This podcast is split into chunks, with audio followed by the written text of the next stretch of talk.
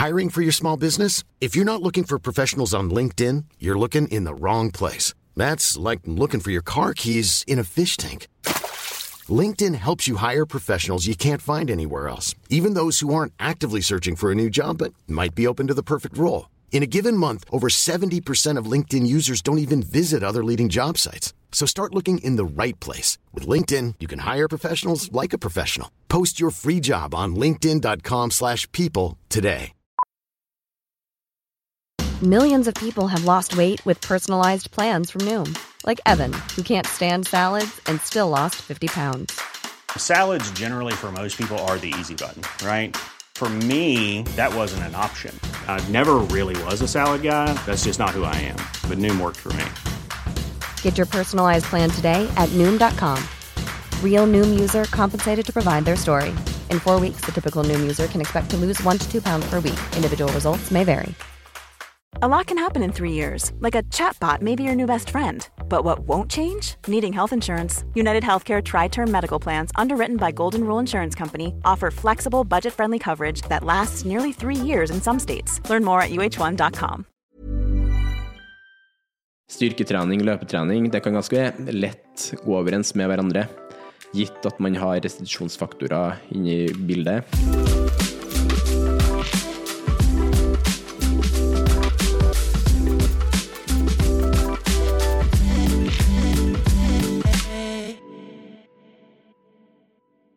Hei og velkommen til Treningsprat. I dag sitter vi i Trondheim, og du hører på meg, Anders Muren, og Thomas Brun. ja, vi sitter som sagt i Trondheim, og vi skal snakke litt om et tema jeg engasjerer meg veldig mye i, og har egentlig alltid gjort i hele min eh, treningskarriere, da. Eh, Eller treningshistorie, kanskje man kan si. Eh, Og det er nemlig styrketrening og utholdenhetstrening. Ja. Og forbinde dem sammen, da. Hvordan kombinere dem? Eh, For jeg opplever veldig mange, både av de kundene jeg jobber med, og mye spørsmål jeg får på Instagram, om eh, hvordan er det mulig at jeg trener så mye utholdenhetstrening og samtidig trener styrketrening, eh, og har en muskuløs kropp og en sterk kropp, da. Man tror at man skal velge, på en måte, kanskje? Ja, mange, jeg føler at veldig mange har inntrykk av at enten så må du bare drive på styrke, eller uthold, bare utholdenhet. Eh, jeg skjønner at man kanskje sitter igjen litt med det, men samtidig så føler jeg liksom at det skillet mellom dem, ja, det er stort, men det trenger ikke være så stort at man må bare velge én, da. Eh, Så det viktigste her, som i hvert fall min egen erfaring, er at man på en måte må først og fremst finne ut hva man liker best å holde på med. Mm. Hvis man liker å holde på med begge deler like mye, så sier jo seg sjøl at eh, ok, perfekt, da har du jo flere treningsformer du kan forholde deg til. Men samtidig så må man jo kanskje prioritere litt ut fra sin treningsmålsetning, da. Eh, Jeg liker å sette et sånn eksempel med meg sjøl for eh, eh, tilbake i 2018. da. Eneste jeg drev på med, var styrketrening. Jeg hadde seks styrketreninger i uka. Men samtidig så syntes jeg det var gøy å holde på med litt utholdenhet. Eh, Rett og slett pga. at jeg syntes det var gøy med fotball. Jeg Hadde litt fotballtreninger. og ville ha, Jeg ville ikke være for tung på fotballbanen, rett og slett. Det, det, var, det var ikke noe mål og mening med det. Så for meg da, så var det litt sånn ok, jeg har de seks styrkeøktene, og så har jeg ja, noen intervalløkter. Jeg tenkte ikke noe mer utover det, ikke at jeg visste at eh, kanskje den styrketreninga blir litt i hermetegn ødelagt av at man gjør intervaller, utholdenhet og spiller fotball utenom. Uh, jeg tenkte jo på det, jeg fikk jo høre av kompisene mine at uh, ja, du, det er jo ikke så lurt at du holder på med utholdenhet òg samtidig, av at det bryter ned muskelmassen. Eh, og så jeg tenkte jo naturlig at ok, da, da må jeg kutte ut litt den utholdenhetsbiten. Så det var faktisk ett år der jeg har ikke trent ut, ut, utholdenhetstrening i det hele tatt. På grunn av at jeg var så, jeg var så obsess da, med at eh, det her går utover muskelmassen min. Det er veldig kjedelig liksom, hvis du liker det. Hvis du Ja, liker å spille fotball. Ja, jeg elsker å spille fotball. Jeg, I den perioden der så sprang jeg veldig mye trappetrening. Jeg syns det var veldig gøy. Sånn utrolig nok, det er jo et uh, veldig slit, men jeg syns det var veldig gøy. Eh, så jeg sa til meg sjøl at ok, nå trapper jeg ned på det. Eh, ikke trappe opp. Eh, dårlig joke, men ja. men målet mitt var liksom da ok, nå skal jeg bare ha den styrketreninga fokus, da. eh, På at jeg vil ikke at den utholdenhetsbiten skal liksom begrense meg. Noen år senere nå så ser jeg jo at jeg kunne egentlig fortsette med utholdenhetsbiten, men bare liksom tilpassa litt mer til styrketreninga. da. Og det er jo det jeg opplever veldig mange av de kundene jeg har nå, som vil ha både løpefokus og styrkefokus. At mulighetene for å sammenligne dem i en samme treningsplan. Det er egentlig ikke så krevende, men det går på bekostning av noen tilpasninger. da. Det har jo skjedd en utvikling der, føler jeg i hvert fall, de siste fire-fem årene, hvor styrketrening hos folk som driver med utholdenhetstrening, har blitt mye mer normalt. Altså, det var liksom før, så Enten så jogga du, eller så drev du med styrke. Jeg vet ikke om det er riktig eller ikke, om det er blitt mer vanlig nå. Jeg føler at uh, veldig mange har uh, Jeg føler det har vært en litt sånn boom av det etter covid. covid. At mange på en måte ikke hadde treningssenter eller muligheter til styrketrening sånn. At mange kanskje utforska mulighetene for å uh, begynne med løpetrening. Da. Og så tror jeg mange kanskje ble bitt av basillen. Og så når styrkesentrene åpna igjen, så var det mange som gikk litt tilbake til det, men samtidig hadde den løpegleden så mye fokus. da. Så jeg tror kanskje det har vært med å påvirke litt òg, at folk har vært litt mer på utkikk etter andre muligheter. Og at de har på en måte, eh, man har en gruppe som fikk så mye glede av den løpinga, hvor tilgjengelig det er, eh, men samtidig vet at den styrketreninga noe man vil drive på med. da. Så Hvor er, hvor er det det kommer fra, den, den tanken at man må velge en av dem? Du, den tanken der, det stammer nok ifra uh, I hvert fall min tanke er at det stammer fra fitnessmiljøet. da. Ja. Jeg tror, uh, i hvert fall fra meg, så stammer det fra at uh, når jeg skulle stille fitness i 2019, så handler det jo bare om hvordan kroppen og fysikken ser ut. Og det handler liksom ikke om hva, hvordan kroppen er rent fysiologisk innvendig. da. Um, og da I hvert fall mine, mine inspirasjonskilder uh, ytrer veldig ofte at eh, cardio er no go. Uh, cardio is the, the way to ja, du, du vet, alle, alle sånne ordtak som kan dukke opp med cardio. da. Um, og jeg beit jo meg fast i det og tenkte jo det, da. Uh, jeg tenkte at det eneste riktige å gjøre er å gå litt rolige turer for, liksom, uh, for å opprettholde en viss type helsetilstand. Sant? Uh, man burde jo ha litt aktivitet inn, selv om man driver på med styrketrening og vil ha full fokus på det. Ja. Um, men jeg var så fastlåst i at det mine, mine influenserkilder sa fra USA, og sånn, at uh, kutt ut denne langkjøringa, kutt ut det og det. Uh, det stemmer nok med tanke på å optimalisere, da, hvis du vil bli best i verden på at du skal enten best i verden på styrkeløft eller innenfor uh, kroppsbygging, så er det naturlig at her går et skille. Men er du meg og deg, og folk flest, som på en måte kanskje ikke har den målsettinga om å bli verdens sterkeste eller verdens eh, Vi skal ikke bli rekordholdere på maraton.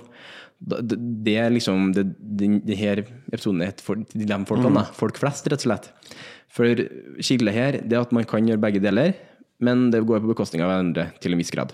Og det er det jeg lurer på, siden folk, jeg har også hørt det samme, da, liksom, folk som driver med styrketrening. Er bare sånn, nei, jeg vil ikke løpe fordi da liksom, mister jeg muskelmasse.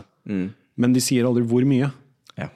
Altså, Hvor mye er det snakk om her? Er det snakk om 2 eh, mangel, eller er det snakk om halvparten? Liksom? Hvor mye er det snakk om at man mister? Da? Hvis, du løper, hvis du liker å løpe 10 km to ganger i uka, og du også gjør styrke, hvor mye snakker vi her? Mye av de forskningsartiklene som jeg har vært borti, da, i hvert fall, de eh, har liksom en litt sånn faktor som mangler, man mangler å beskrive. Da.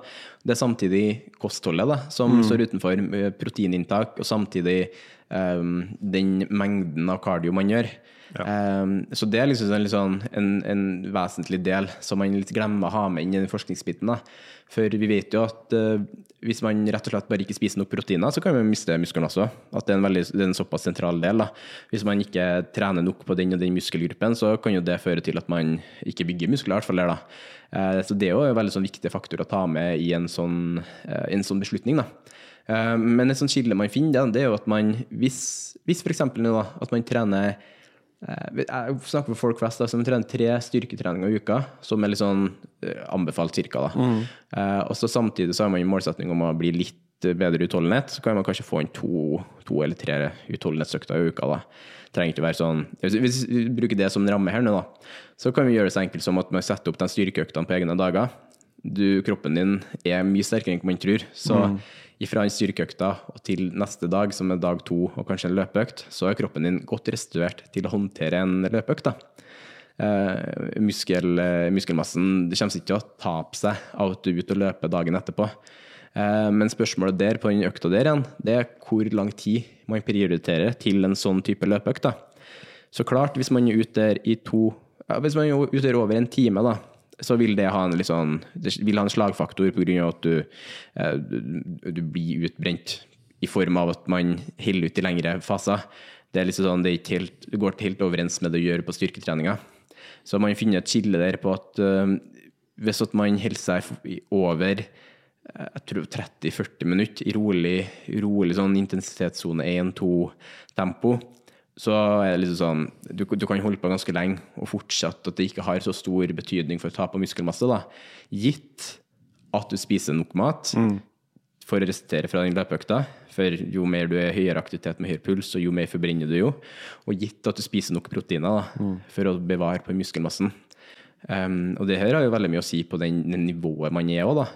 Eh, er man på ganske høyt nivå, så er det litt andre faktorer. Men er man på et litt sånn nybegynnerstadie, eller det midtstadiet, da, fra å være sånn topp og litt sånn nybegynner Hvis du er på midtstadier, så er det sånn et fint skille der at hvis du har en styrkeøkt dag én, og på dag to så har du en løpeøkta Hvis du forholder den på en ca. 30-60 minutter på rolig intensitet, så er det mer enn nok å bare tenke på at du får i deg den maten du burde i forhold til proteiner og nok inntak. da. Um, ligger du i kaloriunderskudd og får samtidig en løpeøkt der, så kanskje det har negativ effekt. Men gitt at du spiser nok proteiner, så har det en negativ effekt. da. Fordi det er der på, kanskje liksom mange ser da at man kan miste litt muskelmasse hvis du ikke fyller på Ja. et, med, med kardioen også. Så hvis du, hvis du teller kalorier da, eller teller proteiner og sånne ting, og så legger du på kardio uten å legge til ekstra kalorier, Ja, du, du trenger jo ikke å legge til underskudd. Sånn på den løpinga, du trenger ikke å legge til ekstra proteiner. Prot- Hvis du har spiser to gram, eh, to gram protein per kilo kroppsvekt, som er liksom sånn, er sånn, veldig sånn overordna standard da, for, sant, for å bygge muskelmasse eller for å holde muskelmasse, da. Eh, så det er mer enn nok. Men hvis du, så lenge du spiser nok mat i forhold til det du forbrenner på den løpeøkta, så på sånne tidsestimat på løpinga, så vil det, han, det vil ikke ha en negativ effekt. da. Men begynner man å bevege seg langt over én time, litt, litt mer intensiv løping f.eks., da kan jeg ha litt annen utslagsgivende faktor. da. Men det er samtidig litt avhengig av um, den styrkeøkta, hvor tett den er opp til den løpeøkta, om kroppen har fått restituert seg optimalt. da. Eh, Så jeg vil på ingen måte anbefale folk å ta en styrkeøkt og så rett etterpå lang løpeøkt. For da er kroppen din i et sånt system at man må få restituert seg fra styrketreninga. For selv om kanskje styrketrening ikke oppleves som at du blir andpusten, svett eller sånn nevneverdig sliten, så har du påvirka kroppen ganske sånn stort fysiologisk stress som det trenger å resteres fra. da. Man finner jo sånn kilder på at man kan ha eh, ca. seks timer restitusjon fra styrkeøkt til løpeøkt, og at det på en måte fungerer. Eh, men da er det gitt at den løpeøkta er ja, at den innenfører et begrensa sånn 30-60 minutter. At man ikke fer ut på en sånn tre timers langøkt. Og, ja. Men samtidig så har kosthold en faktor. da. Så det er på en måte, det er flere faktorer som spiller inn. Men samtidig så er det liksom sånn overordnet at hvis du har bare treningsfaktorene inne i bildet, så styrketrening med x antall timer restitusjon til løpeøkt, så har det en sånn veldig stor negativ effekt. da. Men hva hvis, du, hvis det rent praktisk bare er lønner seg da, å gjøre eh, løping rett etter du har gjort styrke? Ja, for det er jo en helt annen sak. Veldig mange er jo avhengig av at uh, i, i Liksom, man, mandag kveld så har jeg to timer til Ja, ja, ja, That's så, it. Og så har jeg ikke noe tid før torsdag igjen, f.eks.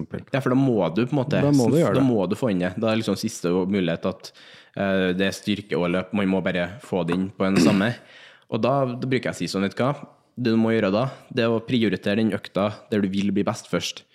Hvis du står der og tenker jeg vil prøve å løpe en 10 km-rekord innen åtte uker, da må du prioritere en løpeøkta først. Få gjort den, og så kan du kaste ut på den styrkeøkta rett etter løpinga. Er det motsatt, da? Hvis du vil ha styrke, hvis det er styrketreninga du på en måte vil komme lengst med, så tar du styrketreninga først, og så løpinga etterpå. Det vil på ingen måte være perfekt for kroppen, men man kan tilpasse det via å gjøre det sånn. Men så kan man òg f.eks. gjøre det Eh, det, det er et sånt fenomen jeg heter the interference effect. The interference effect er en sånn effekt som på en måte eh, Hvis du samhandler styrketrening og utholdenhetstrening, så opp, da, da skjer den interference effect. Det er liksom en sånn crossover da, eh, som går på bekostning av restitusjons, restitusjonssystemet. Um, eller restitusjonen, da, hvis- for å si det litt mer sånn, for å bruke et ordentlig begrep. Um, det man kan gjøre da for å tilpasse seg det, det er at man tar et styrkekrøp- styrkeøkt med fokus bare på overkropp. Og så rett etterpå tar du løpinga bare på underkroppen. For løpinga, hvis du løper, det går jo bare på systemet i, i underkroppen, ikke så mye på overkroppen. Så da kan man på en måte komme unna med minst mulig i hermetegn skade. Da, da belaster man styrken på overkroppen, og så belaster man underkroppen etterpå. Og det er jo en ting jeg gjør veldig ofte i forhold til eh, når jeg både sykler, svømmer og løper. Hvis jeg har en svømmeøkt først, for min del veldig ofte pga. at jeg trener veldig mye på at jeg skal bli flinkere i overkroppen med armtakene og sånn, så blir det en ren overkroppsøkt til meg. Eh, ish, i hvert fall. Hvis at jeg må få inn en styrkeøkt rett etterpå, litt senere på dagen, da vil jeg at den styrkeøkta skal være litt underkroppsdominert. da, For at det skal gå minst mulig på bekostning av de kroppsdelene, hvis du forstår. Samme løping. Hvis at jeg har løpeøkt tidlig på morgenen, og så styrkeøkt litt senere, da lar jeg løpinga være som den er, på den varigheten som den trenger å være. Men så lar jeg styrkeøkta senere gå på overkropp. Da. Og det er slik jeg bruker å tilpasse til mange kunder som på en måte vil på en måte få the best of both worlds. At man har litt sånn kroppsdelssplitta, og man samtidig på en måte får mest effekt ut av den treninga hvis man må, hvis man må slå dem sammen på en samme dag, da, innenfor litt eh, få, få antall timer. Det husker jeg du gjorde med meg også, da, vi, da du satte opp programmet til meg. Så var det styrke og Når vi satte opp til triatlon, så var det jo svømming, eh, sykling og løping som var hovedmålet. Og så var det også noen styrkeøkter.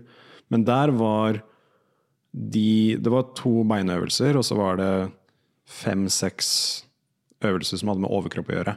Det du husker du sa til meg også, bare sånn ikke push hardt på beinøvelsene.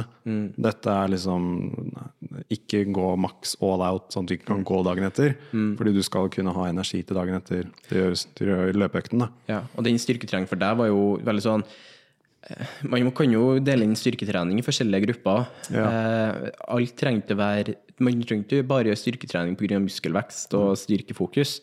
Det kan være òg pga. skadeforebygging. Og det er jo en veldig sånn god kilde for å legge inn hvis man har, Sånn som du, da. Du hadde jo ikke en ren overkroppsøkt, f.eks. Men du hadde to, to styrkeøkter der du har litt fokus på bein eller underkropp pga. det skadeforebyggende der. Og samtidig så viser jo forskning at jo bedre styrke, styrke du har i underkroppen, jo mer får du til å eh, jo mer watt får du til å presse ut mer komfortabelt på sykkelen, jo mer får du til å holde en god løpsøkonomi på løpinga. Og da er det greit nok å ha litt sånn fokus som vi hadde på løpinga, nei, på styrketreninga til deg. Men så kan man jo igjen da la styrke, styrken i overkroppen være litt mer sånn Ok, her gjør deg litt mer robust i skulderholdninga, så løpsøkonomien din holder deg litt bedre. Få deg litt mer robust i, i ryggen, så at svømmetakene kanskje går litt lettere og sånn. Um, så man kan skille opp i veldig mange, mange grupper. Da. Det trenger ikke alltid å være styrketrening for muskelvekst eller styrke. Det kan jo også være den skadeforebyggende biten. Og det Fakta er jo at veldig mange av de eldre som trener styrketrening, de gjør jo for det. Og man, en eller annen gang så tror jeg man kommer til å komme bort i en situasjon der man gjør styrketrening kun pga. skadeforebyggende ikk- og, og, helse, da, så klart. Ikke bare pga. fysikk, muskelmasse, styrke og sånn. da.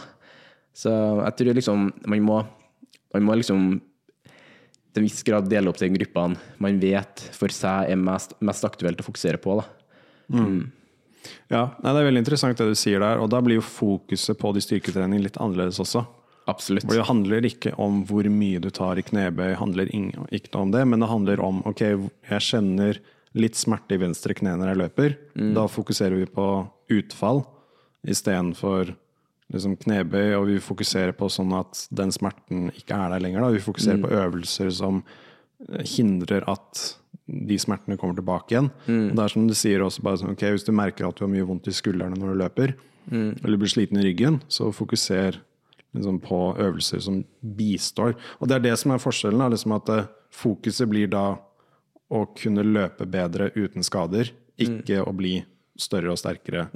eller fysikk, på en måte. Sånn, det handler om å øke prestasjonen og kunne løpe mer og lenger uten å skade seg. Det er det som er liksom, hovedmålet. da. For jeg tror veldig mange, uh, veldig mange jeg vet om som driver på med løping på ganske høyt nivå, mange der glemmer litt den styrkebiten. Og jeg kan forstå det. Jeg sjøl har blitt litt der de siste to årene nå. Uh, Med tanke på all den triatlontreningen som skjer. Samtidig med samme løperne bruker veldig mye tid på løpeøktene sine. Og det tar veldig mye, uh, tar mye energi, og man skal arrestere seg fra det.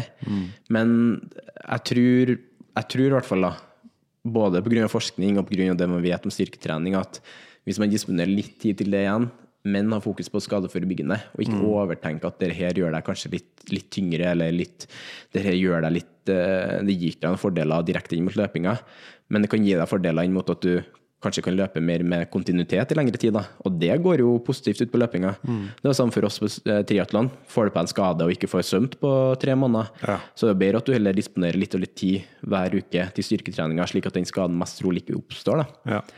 og, og da går man inn på det du sier igjen med tanke på hva er det du vil bli best på. Hvis du blir best på løping og sånne ting, så fokuser mer på det, og tenk at liksom styrkeøktene er en er på en måte i tillegg, da. Det er et Du- du skal- gigantisk er- supplement, liksom. Ja, men det er ikke der du skal pushe deg uh, 100% Du skal på en måte gå liksom 70% kanskje av det du kan takle. Du skal ha overskudd etter økten. Du skal ikke være sånn ligge på gulvet og ikke klare å gå opp trappene, f.eks. Det er det veldig mange tenker sånn ok, på, Hvis du skal trene bein, så skal du skikkelig Da skal du gå all out. Men hos oss er det, det er liksom ikke det. det Nei, men det er jo det man ser på Instagram òg, da. Ja, det det er jo det. det man ser, at uh, den personen hadde en heftig styrkeøkt og ikke får til å komme seg opp trappene. Ja. Uh, så jeg tror mange som på en måte er litt i nybegynnersjiktet, da, at man fortsatt Eller, eller ikke nybegynnere, men litt videre, at man tenker at det, det fortsatt er der lista skal ligge. da. Mm. Men fakta er jo at man, eh, hvis at du vil gå på begge deler, så kan man, burde man tilpasse det litt annerledes. da.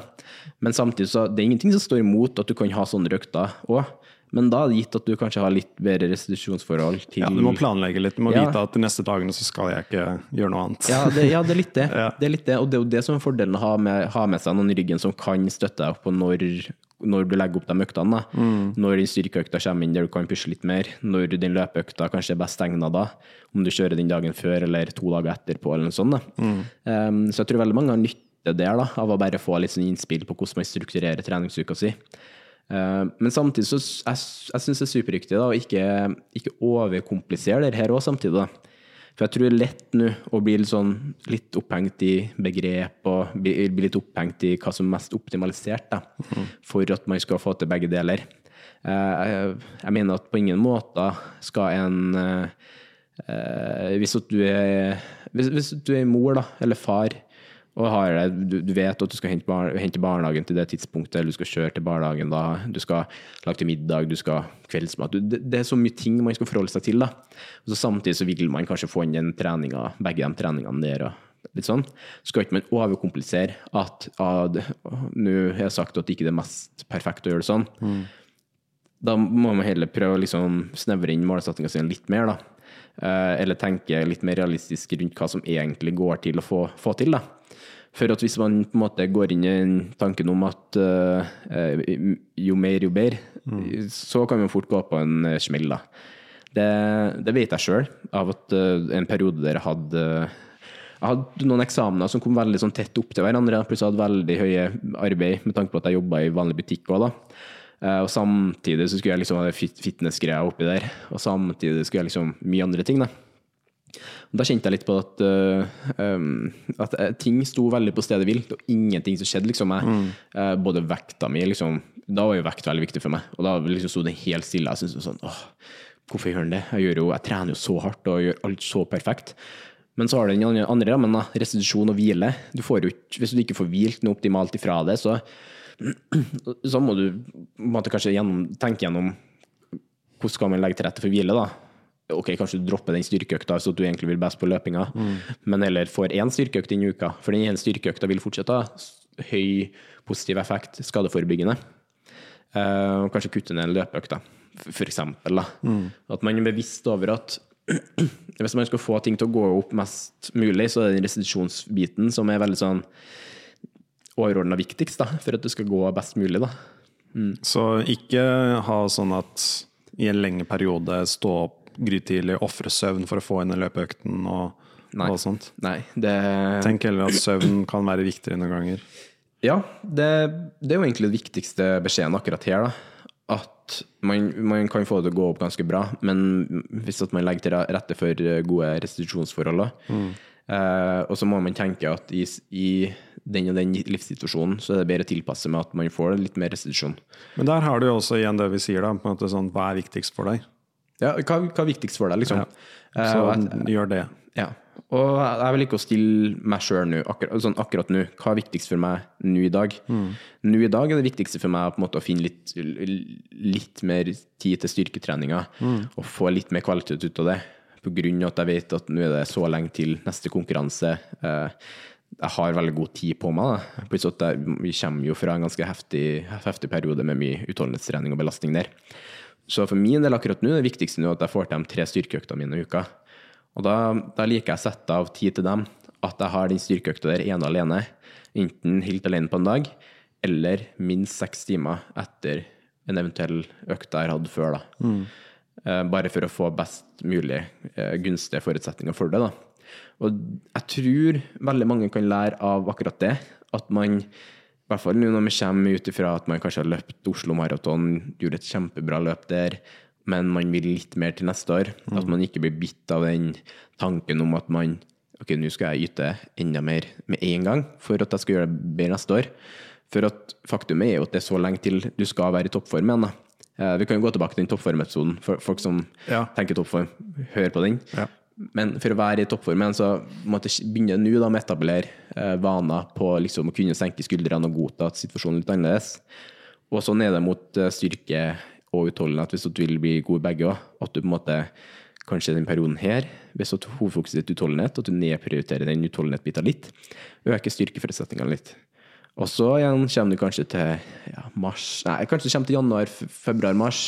Kanskje man blir litt sånn mer Ok, nå trapper opp løpinga, men da trapper du ned styrken litt. Det du gjør da, at du trapper ned styrken, du kan fortsatt vedlikeholde muskelmassen og styrken du har bygd. Det skal ganske mye til. Jeg, jeg tror forskning, forskning, i hvert fall som jeg, jeg, jeg er ikke oppdatert på de siste månedene, men jeg vet at eh, veldig nylig forskning viser at det skal faktisk ta opptil to uker uten styrketrening før det begynner å gå utover muskelmassen din nevneverdig. Da. Og to uker uten styrketrening, på en måte, det, jeg tror ikke det er så mange som Hvis at man får inn en styrkeøkt, så forlenger du det. Da er det plutselig to uker neste Ja. gang igjen. Men du trenger ikke mer enn én gang per muskelmasse i uka, er det sånn? For å opprettholde? Eh, Hvis du, hvis at bare så lenge du på, en er eller annen måte påfører musklene på en måte belastning, da, Ja. eller påvirker Man kaller det for stress, da, på grunn av at man ja, du, du, fysiologisk stress når du løfter eller gjør repetisjoner. Så lenge du gjør det, så er det en bidragsfaktor til å vedlikeholde muskelmasse, da, rett og slett. Um, så det skal, det skal faktisk ikke noe mer til. da. Du kan gjøre det så enkelt som å kjøre en fullkroppsøkt. da. En full ø- i uka for å vedlikeholde det man kanskje har bygd litt for. da. Men da må man jo skjønne at da er det for å vedlikeholde, eller for å skadeforebygge. Det er ikke for at man skal Man blir kanskje ikke Man får eh, tre ganger så stor biceps på det, men da må man forstå at det, sånn er det bare akkurat nå. Men det er jo sånn du har lagt opp programmet mitt nå, i hvert fall. Litt, Ja. litt rundt det at liksom det er tre styrkeøkter i uka, pluss da litt svømming, løping og, og sykling. For deg nå har vi jo gått opp fra to styrkeøkter til tre styrkeøkter. Ja. Men det er jo på grunn av at jeg, jeg tror i hvert fall du har mye å hente på den styrkebiten nå, da. Mest kanskje av motivasjon og sånn, for å ha litt mer variasjon. For, sånn, for din del, og for, for alle sikkert skiatleter sin del, så kan det bli litt mye noen gang, med tanke på all den utholdenhetsfokuset, at man skal rekke det. Og det er jo veldig tidskrevende. Ja. Så noen ganger er det litt godt å kunne bare styrketrening, går dit. De tar tre kvarter istedenfor liksom sykkeløktene, sånn som ofte går over to-tre timer. Ja, nettopp. Og så liksom det å komme inn på styrke, styrketreninga, så kunne liksom ta de pausene mellom settene, og bare senke skuldrene og sjekke telefonen og litt sånne ting. Da. Det er sånne ting man ofte ikke gjør da, på sykkeløkter, løpeøkter og sånn. Man, man, det man er så avhengig av å holde kontinuitet i å holde pulsen der og holde Ja, intensiteten der. ja. At man på en måte ikke Det er ikke det første man tenker på å ta opp telefonen, liksom. Men noen ganger er det jo bare en god, god godt litt avbrekk, selv om det er i, et, i en treningsøkt. da. Ja. Uh, ja, bare ikke ha så mye tanker rundt den pulsen og sånn, eneste du trenger å tenke på de neste 80 repetisjonene, liksom. Så um, for din del nå å liksom kunne bygge en sånn, en sånn styrkemessig base fram mot målsettingene dine 2023 vi vet jo hvor heftig, hvor, vi vet jo hvor heftig målsettingene er, så det kommer til å bli nok av den utholdenhetstreninga til hvert likevel. Ja, det kommer. Ja, det, det, det kommer. Det, det, kommer. det kommer mye av det. da. Det kommer til å være litt sånn, vi kommer til å gå veldig spesifikt inn på sånn, det du skal gjøre mot dine målsettinger i august, uten å snakke for mye mer om det. Så kommer det å bli liksom, den spesifikke oppbygginga der kan bli, det kan bli litt sånn tærende på hvis at det blir x antall økter opp mot uh, Ekebergsletta. Ja. Liksom, den runden kan bli kjedelig til slutt, liksom. Ja, ja, ja, ja. Det jeg kjenner meg igjen sjøl i det, eh, en sånn sykkeltur jeg bruker å ha opp til skistua da, her i Trondheim. Det er en veldig sånn fin, jevn, eh, jevn stigning hele veien opp dit. da. Men jeg kan love deg at man blir litt lei av den stigninga der til slutt. Man begynner å skjønne hvor man ser de skiltene, man vet hvor svingene er, man vet hvor lang tid det er igjen hele tida. Liksom, så godt, å kunne ha liksom sånn, eh, periodisere det litt, da, rett og slett. Og kunne Jeg, jeg syns egentlig vinteren er egentlig ganske fin sånn, fordi man sitter jo inne på sykkelrulla hele vinteren, og du står på tredemølla hele vinteren. Og da de første øktene du har ute da, i fint vær på, på starten av våren, de er så nydelige. Ja, men fantastisk. Og det, det skal jo sies at eh, når man har litt sånn tredemøllesesong og sånn, som man sier da, så er det ingenting som er bedre enn å bare akseptere at sånn er det nå, men å glede seg til at det ikke er sånn, da. Ja. Um, Men da for- kan, du, da kan du være veldig spesifikk. På Ja, ja, sånn- nøyaktig eh, riktig tempo og alle de tingene der, da. Det er jo sånn eh, Sånn som jeg bruker å si til meg sjøl i en sånn periode der jeg skal liksom bli best mulig på ja, eksempel hvis jeg skal trene best mulig inn mot et halvmaraton. Det jeg ville ha gjort da, egentlig siste månedene før det halvmaratonet, bare springe mest mulig på mølle i det tempoet som tilsvarer at jeg vil løpe på. For da vet du nøyaktig hva du gjør på den flate løypa. Eh, du vet nøyaktig hvilket tempo du kan holde og trene på. Da. Og da, jo mer spesifikt blir det. Da. Ja. så hvis du kan gjøre det i en sånn her periode nå, at du eh, ja, tenker at uh, man skal bygge opp intervaller til å bli raskere og raskere, at man bare tar noen mølleøkter der, da.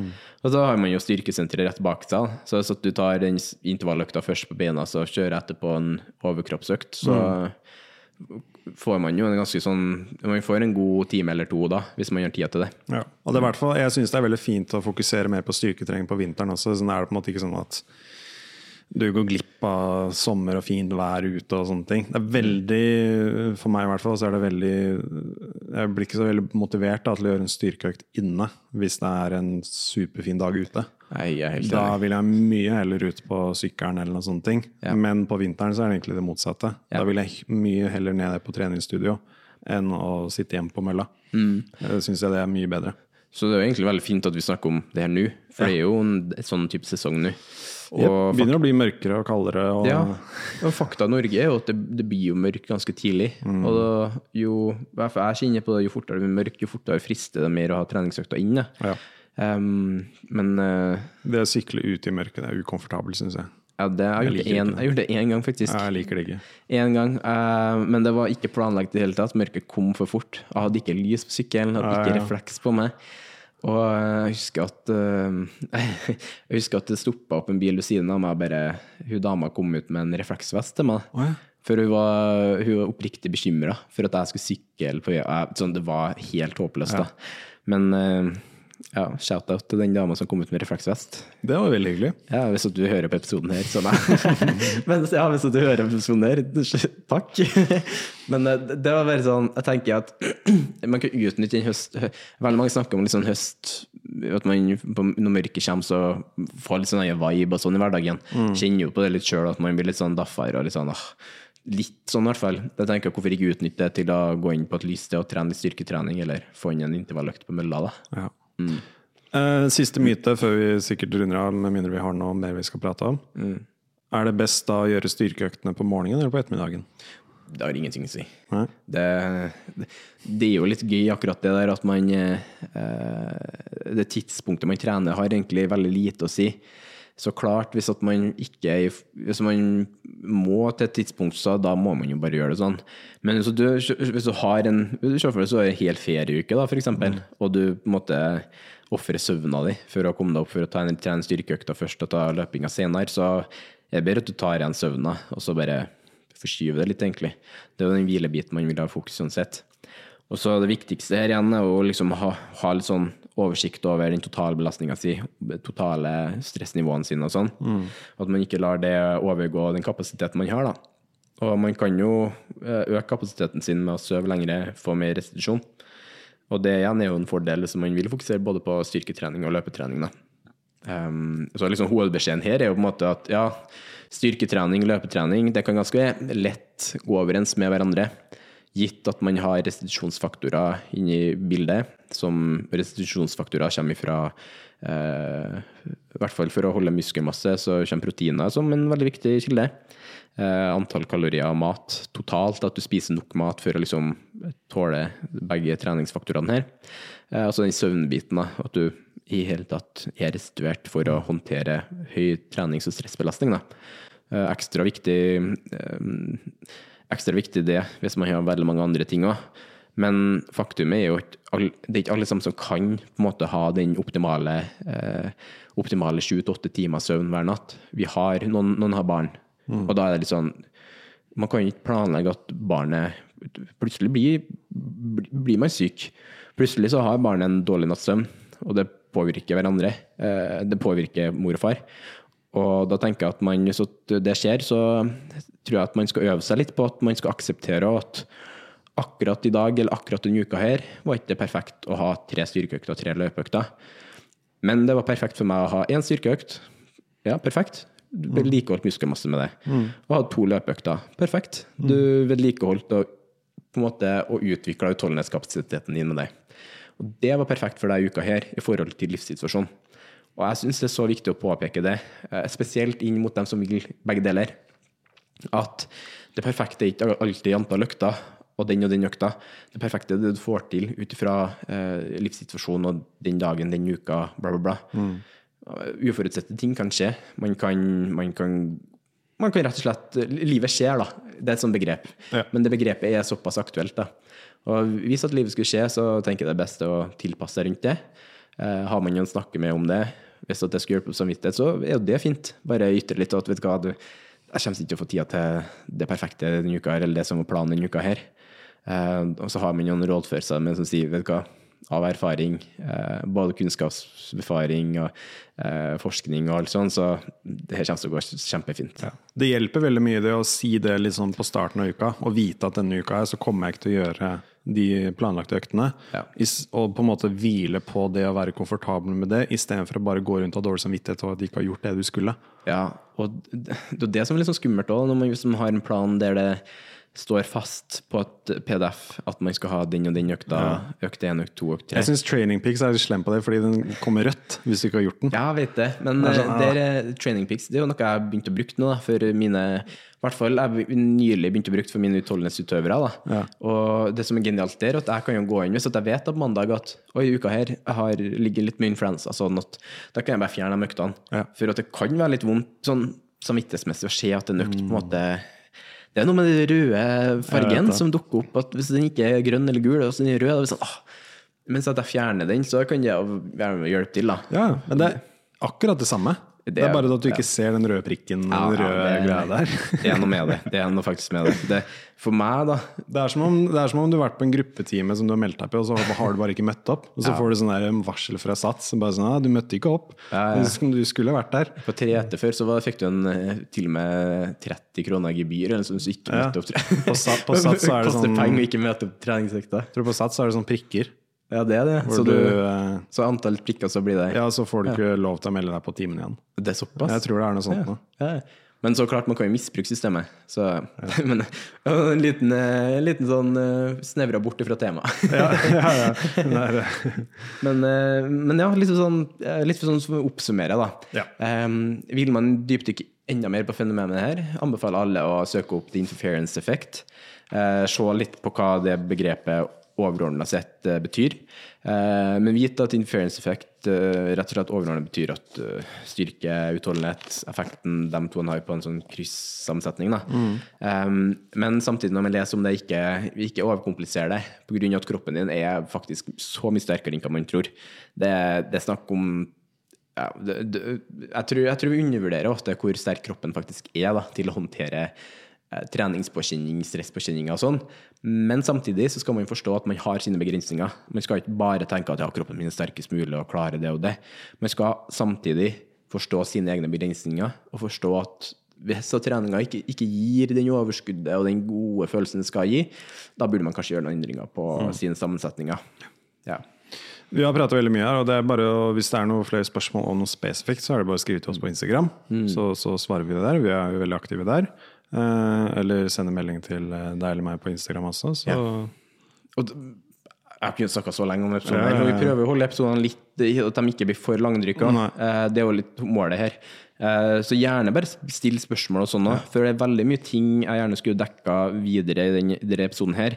Men jeg føler at vi kanskje har fått dekka det liksom mest overordna før vi det kan, som er- vi kan ta det opp i en senere episode også. Det er ikke Ja, det kan vi gjøre. Det kommer jo en vår etter hvert, da. Det Så da ja. Men liksom sånn, sånn nå bare, bare still spørsmål. Det er veldig mye man eh, kan få ut fra det òg. Yes. Så ja. Men da gjenstår det faktisk bare å avslutte episoden. Yep. Så jeg vil tusen takk til alle som lytter på episoden her, og som eh, engasjerer seg i alt vi gjør. Vi setter veldig stor pris på det. Absolutt. Eh, så bare fortsett å keep them questions coming hvis det er noe. Og så håper jeg at dere lytter videre til oss. Yes. Veldig bra. Takk for i dag. Takk for i dag.